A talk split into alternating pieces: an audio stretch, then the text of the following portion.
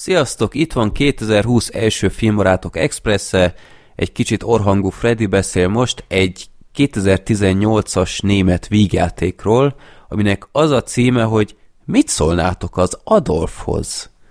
Így van, e- elég sok mindent elárul ez a cím, de mielőtt még belemennék a film történetébe, e- ez egy francia színházi mű, aminek az a címe, hogy a keresztnév, a németek ezt remékelték aztán 2018-ban, a magyar mozikat elkerülte sajnos, de most HBO Go-n elérhető, úgyhogy meg is néztem gyorsan, mert már hallottam erről a filmről.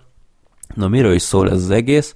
Van egy családi összejövetel, ahol a, az egyik hát apuka, akinek a gyereke azt hiszem harmadik hónapnál tart, hogy ilyesmi, megtudja, hogy fiú lesz, és akkor többiek, hogy na, na, tudtok már nevet, stb. És hát egy kisebb ilyen játszolózás után azt mondja, hogy Adolf.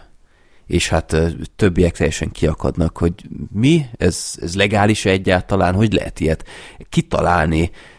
Ez, ez ultragáz, meg stb.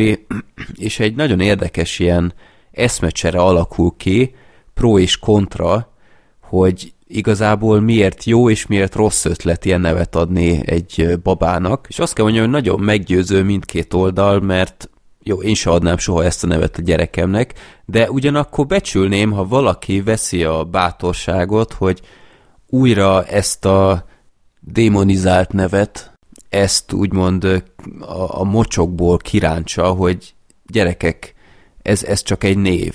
Tehát oké, okay, hogy mindenkinek ő fog előbb, először eszébe jutni, de amint elkezd több Adolf lenni a világon, akkor ennek a szörnyetegnek úgymond a misztikuma is el fog tűnni.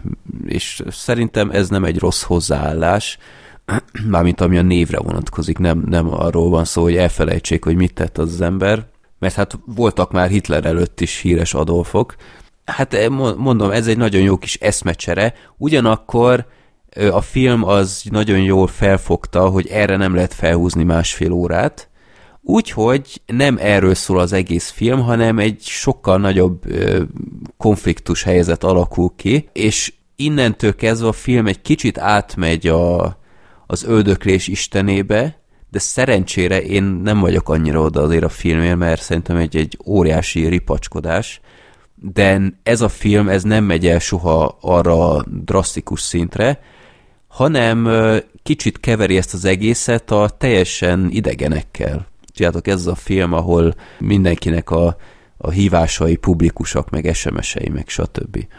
Úgyhogy ennek a két filmnek úgymond a keveréke, plusz ez a, az Adolfos sztori.